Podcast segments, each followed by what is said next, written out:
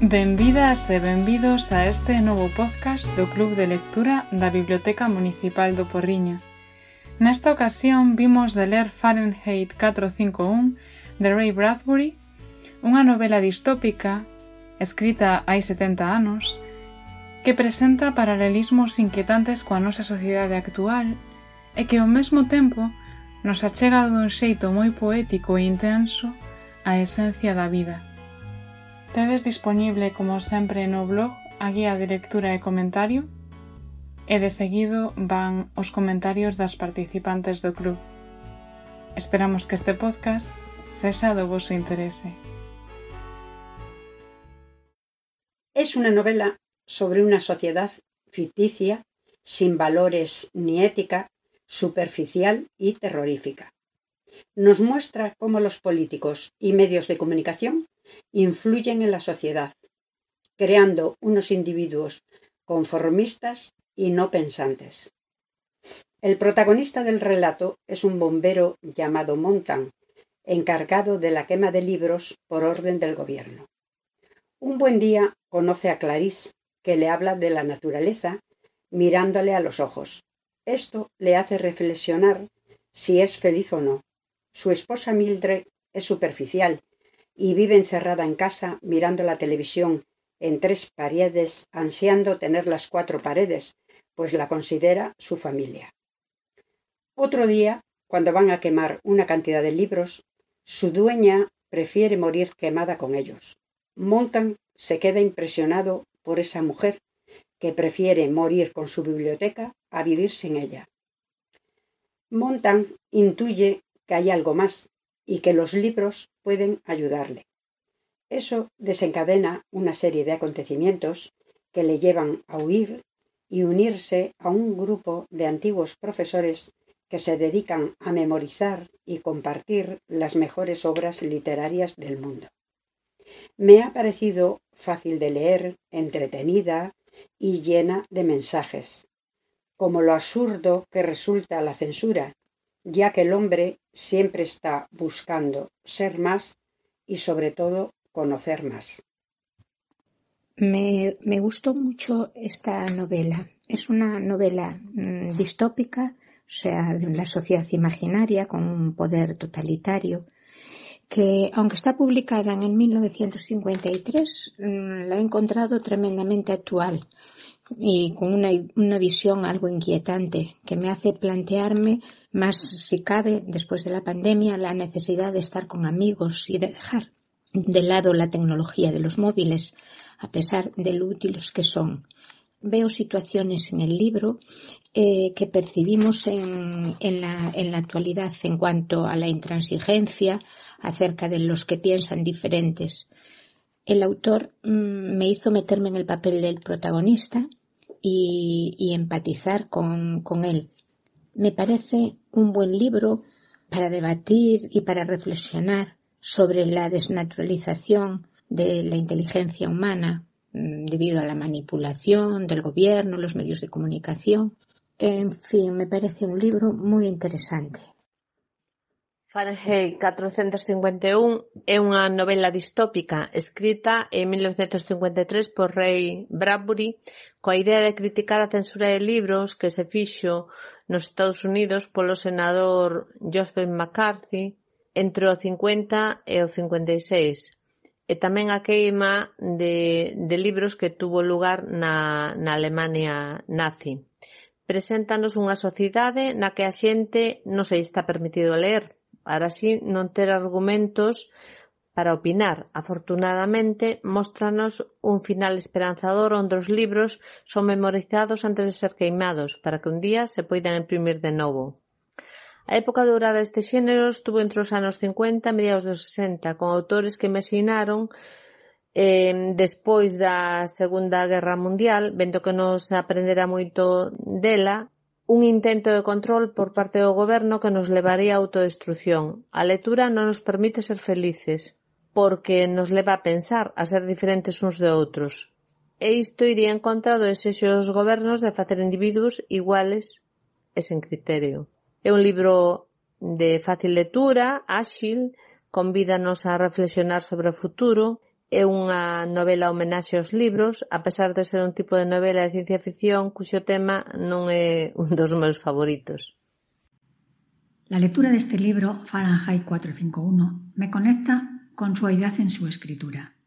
Me lleva a su mundo, la habitación oscura, a ese silencio roto al pisar un frasco vacío, a la distancia entre los personajes, a la indiferencia. Los protagonistas pueden ser cualquiera de nosotros, puesto que no les pone cara.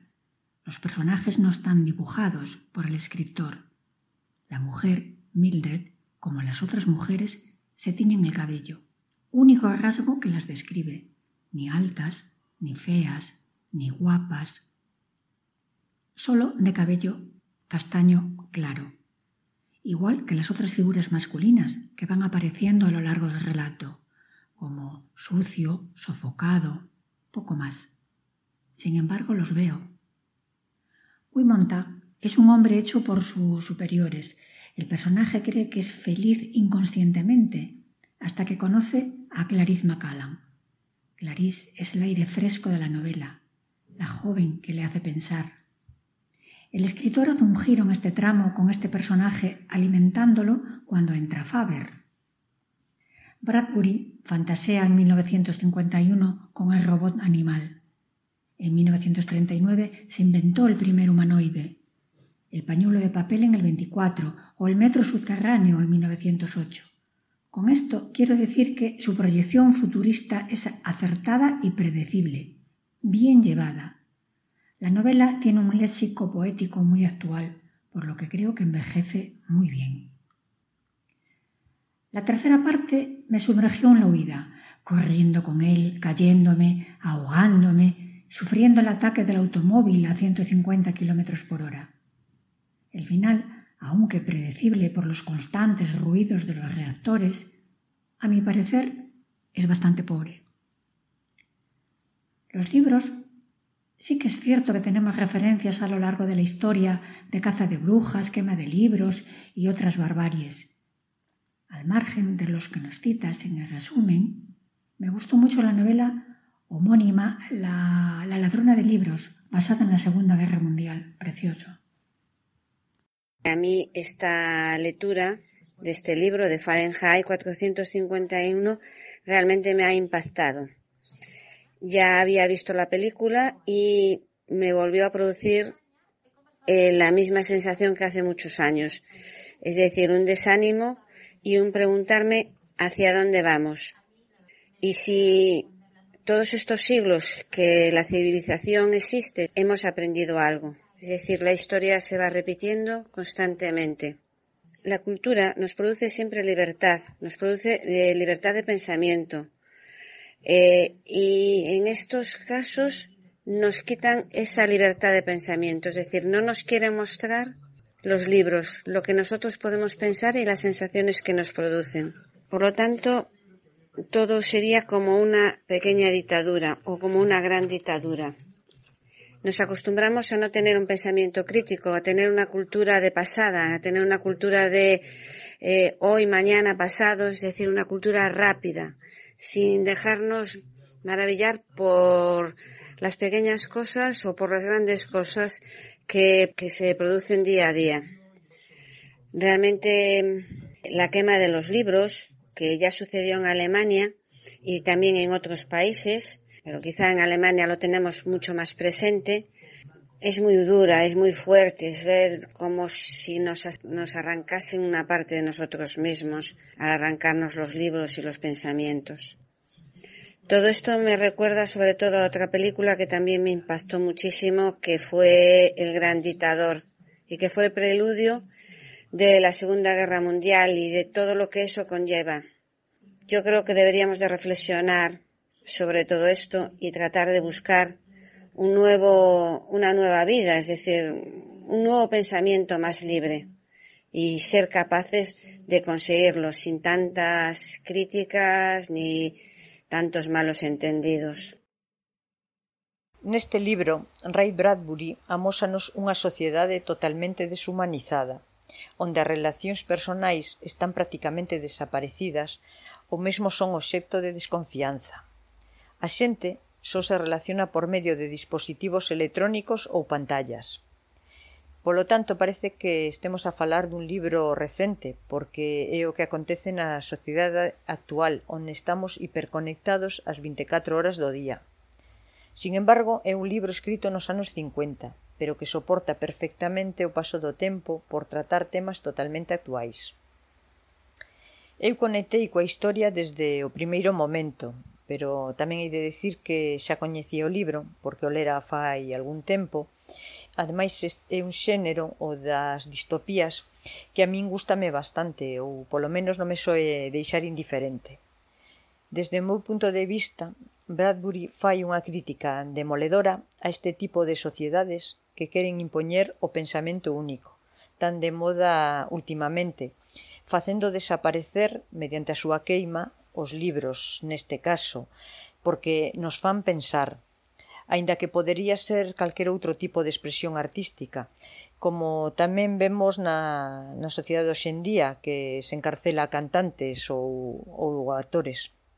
Sociedades onde non existen os sentimentos nin a empatía, onde se esconde ou se penaliza a tristeza. Hai que estar feliz por obligación. Isto tamén su sucede hoxendía, onde esconde, escondemos, por exemplo, temas como a morte ou as enfermidades. Tratámolas como tabús, porque nos traen dor ou duelo. Tamén eh, penso que Bradbury critica ao ser humano como individuo, porque non nos revelamos a tempo, deixámonos envolver polas situacións, e cando queremos reaccionar xa é demasiado tarde, como lle di o profesor Faber o bombeiro Montán. Sin embargo, a min o que me gusta o que me gustou do libro é que a pesares de ofrecernos un mundo tan oscuro, o autor dalle ao ser humano a posibilidade da redención a través da muda que sufre na súa persoa o bombeiro Montán, que é quen de arriscalo todo por facer un mundo mellor e que o detonante sexa simplemente eh, os contactos que ten coa xoven Clarís, que o fan despertar a outra realidade, a das relacións personais, a da observación, a escoita e incluso a de manter en conversas non valeiras. Quería destacar tamén o final do libro, porque nos deixa unha mensaxe esperanzadora na raza humana. O feito da guerra o presenta o autor non como a desgracia que é, senón como unha oportunidade de un novo resurdir da especie humana, como unha ave fénix que resurde das súas propias cinzas e coa esperanza de non cometer os mesmos erros de antaño. É un libro de ciencia ficción para escapar da gran depresión que sufriu Estados Unidos no 1929. Eh, o mundo ao revés, os, os bombeiros son pirómanos e son sádicos porque experimentan placer na destrucción cunha sonrisa e silban cando queiman conducir lento como fai eh, o, o tío de Cleris, que un, un, un veciño fai que, que o deteña por camiñar lento porque é importante ir a toda a presa e monta que o protagonista fala ca, ca sobrinha Clarice eh, eh, está sorprendido de que non vea televisión. Monta pensa que a felicidade é unha tontería, pero el sente infeliz e pensa que a xente que non se que, que son como antorchas efímeras.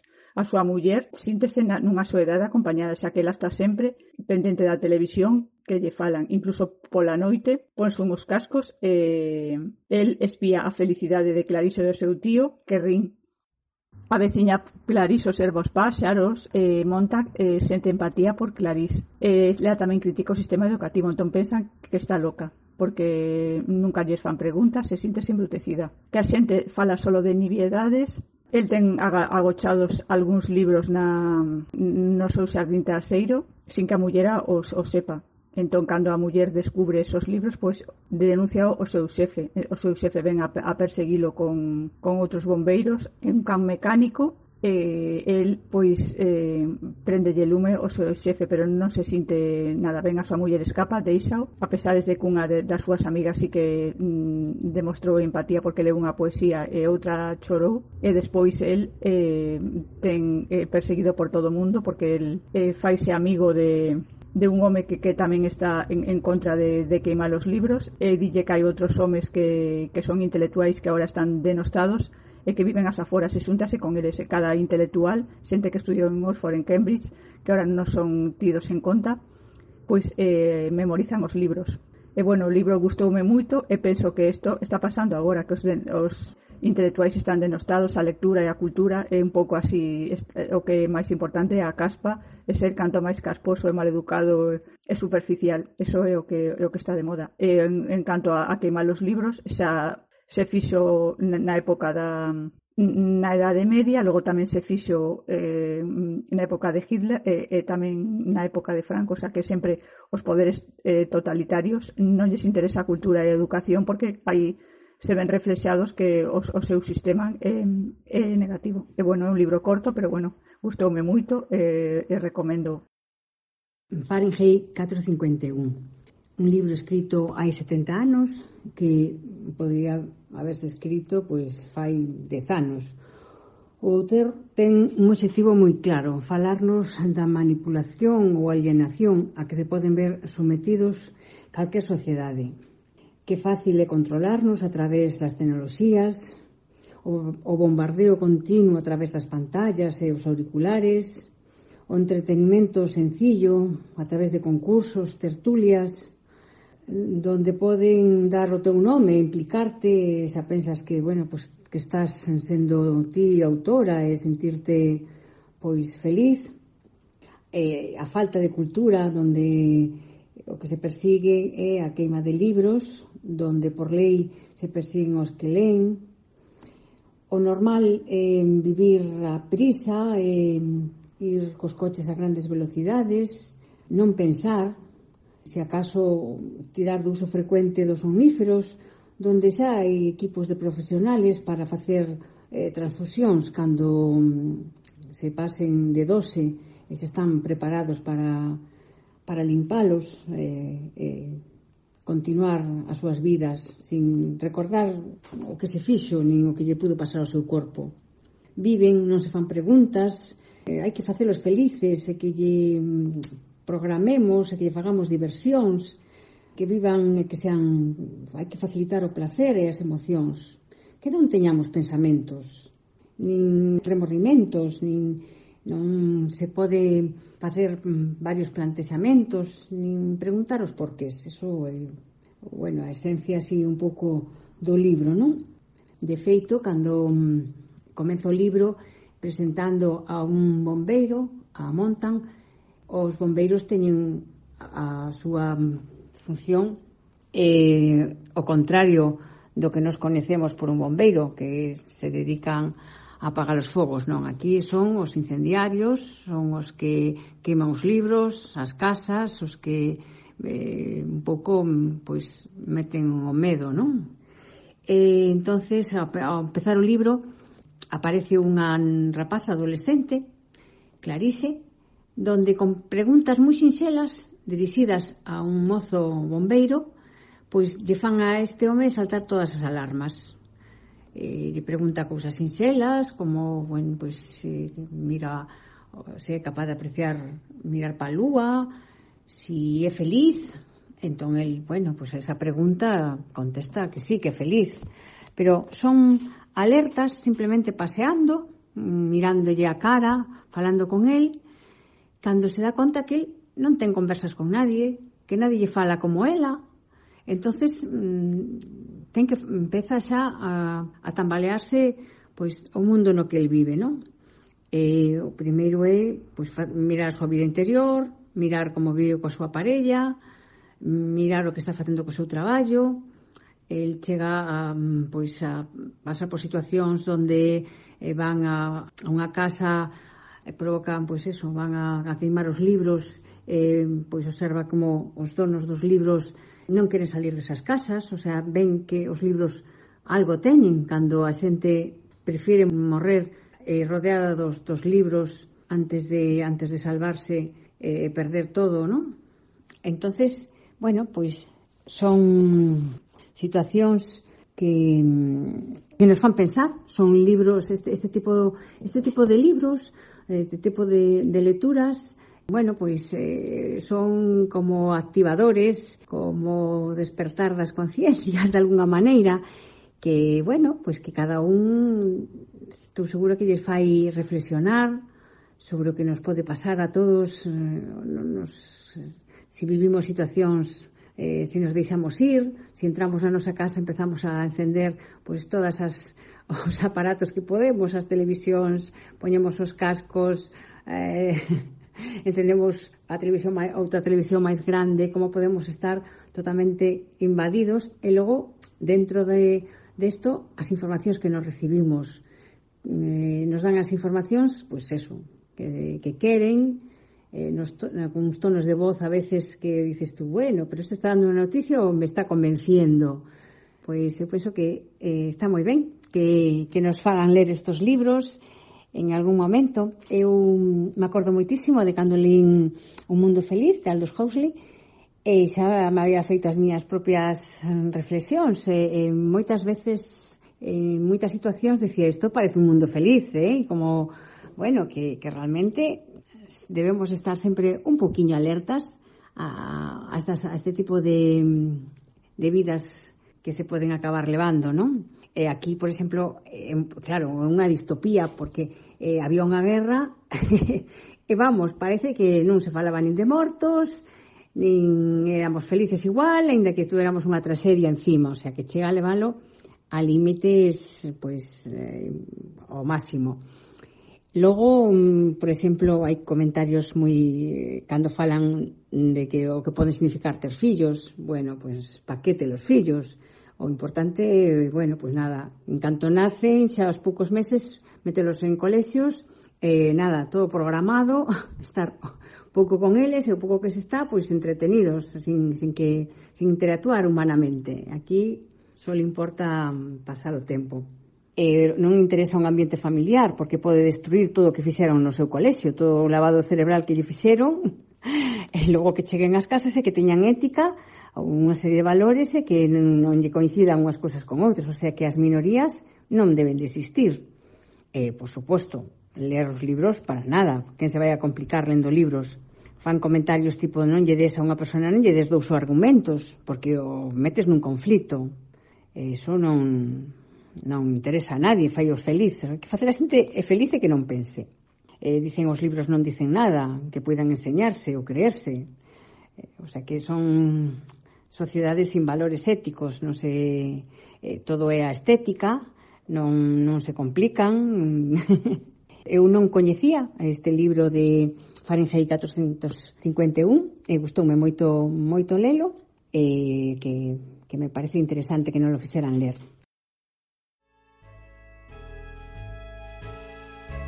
Moitas grazas por escoitarnos e ata o próximo podcast do Club de Lectura.